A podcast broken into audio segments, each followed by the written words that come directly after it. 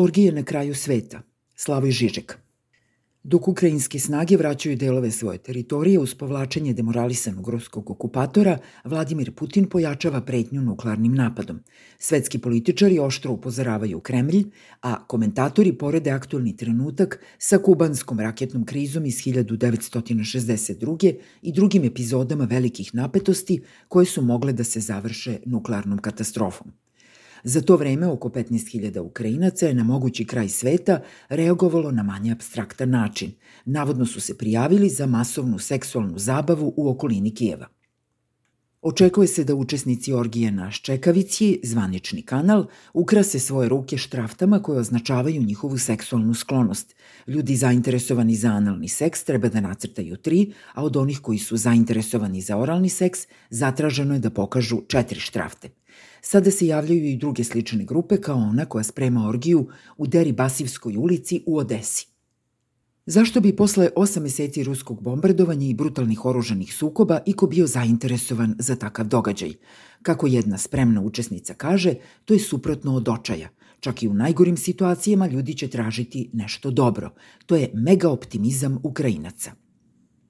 Njeno svedočanstvo treba prihvatiti zdravo za gotovo. U vreme ekstremne pretnje, orgija može biti poduhvat koji slavi život. Nema potrebe za dubljim pseudo-freudovskim objašnjenjem da kolektivna trauma ubrzava slamanje individualnih inhibicija i konvencionalnih društvenih normi. Istinski necivilizovani seksualni čin jeste onaj koji preduzimaju ruski vojnici i njihove vođe. Prema rečima Pramile Paten, specijalne predstavnice Ujedinjenih nacija za seksualno nasilje u ratu, ruski komandanti svojim trupama dele Viagru. Seksualni napadi na ukrajinske žene delo su svesne taktike dehumanizacije žrtava, rekla je Paten.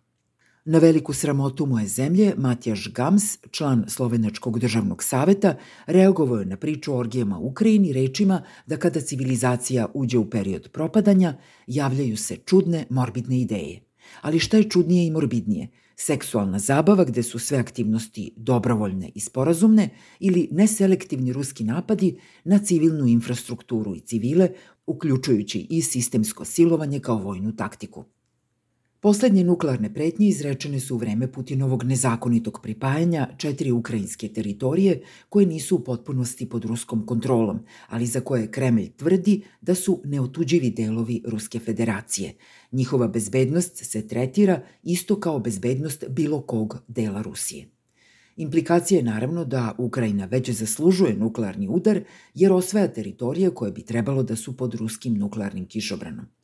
Nije ni čudo što sajtovi za klađenje nude kvote za nuklearni napad ove godine, dok na hiljade ljudi ulaže svoj novac na da. Dajući dodatni kredibilitet ovoj pretnji, ruski zvaničnici su naredili evakuaciju Hersona, koji je sada skoro sasvim opkoljen ukrajinskim snagama. Poruka zvuči jasno. Ako Ukrajinci ponovo zauzmu grad, bit će savršena meta za nuklearnu bombu. U borbi protiv satanizma, kako je to nedavno nazvao Putin, sve je dozvoljeno ali podjednako je morbidan i argument zapadnih mirovnjaka da Evropa treba da pošalje veliku delegaciju u Rusiju koja bi otvorila pregovore o uslovima za mir. Naravno, treba da učinimo sve što je moguće da sprečimo novi svetski rat, ali da bismo to postigli moramo početi sa realnim razumevanjem onoga što je Rusija postala. To znači da treba odustati od ideje evroazijskog jedinstva i odbaciti argument da Evropa treba da formira blok sa Rusijom kako bi izbegla da postane manji partner SAD-a u sukobu sa Kinom. Rusija je trenutno veća pretnja za Evropu od Kine.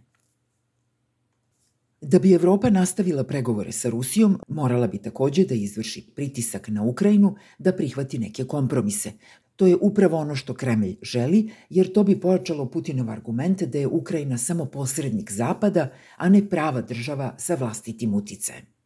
Šta onda da se radi?